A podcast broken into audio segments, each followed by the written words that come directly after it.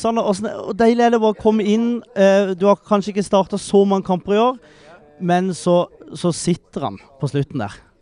Nei, det føles eh, helt sykt. Og det er sykt deilig å se han eh, gå inn etter. Altså, det er det. Hvordan følte du gikk ut på det? da? Du er på en kanskje litt uvant eh, posisjon, eh, venstreback for en eh, Ropstad med karantene. Følte du selv at du, du tok tak i sjansen? Ja, altså det er som du sier, ikke min posisjon, men, men jeg, vi har jobba godt gjennom uka med å, med å, med å preppe hvordan posisjonen funker og, og sånn. Og jeg føler jeg har tatt opp det som, som er viktig i den posisjonen, og følte jeg gjorde en vel så god kamp.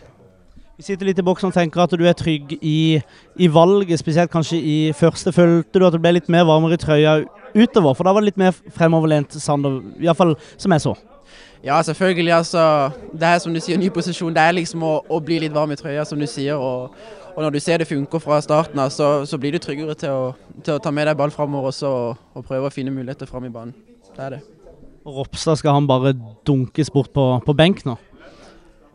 Nei, altså det er jo opp til, opp til treneren, det. Men uh, jeg sier ikke nei til å spille mer på venstreback. Altså, du har, du har skåret. Jeg vet ikke hvor mange mål Ropstad pleier å, å skåre, så du trenger ikke være så ydmyk, eh, Sander. Men, men eh, du, du er fornøyd med egen prestasjon i, i dag? Jeg er veldig fornøyd. Det er veldig deilig. Så må vi jo snakke litt om Vi så Tromsdalen hadde folk inne i dommergarderoben her for å snakke om eh, den omdiskuterte straffesituasjonen. Sander, hvordan opplevde egentlig du det? Ja, nei, altså Det kommer en lang ball eh, mot meg som blir for lang, og jeg prøver jo å nå han da.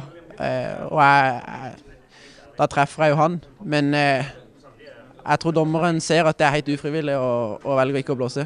Men allikevel så blir det en obstruksjon. sånn sett. Så hvis det hadde blitt straffe Har du sett, har du sett situasjonen i ettertid? på Jeg har ikke det. Men eh, altså, jeg vil ikke si om det er straff eller ikke. Det er opp til å, å avgjøre.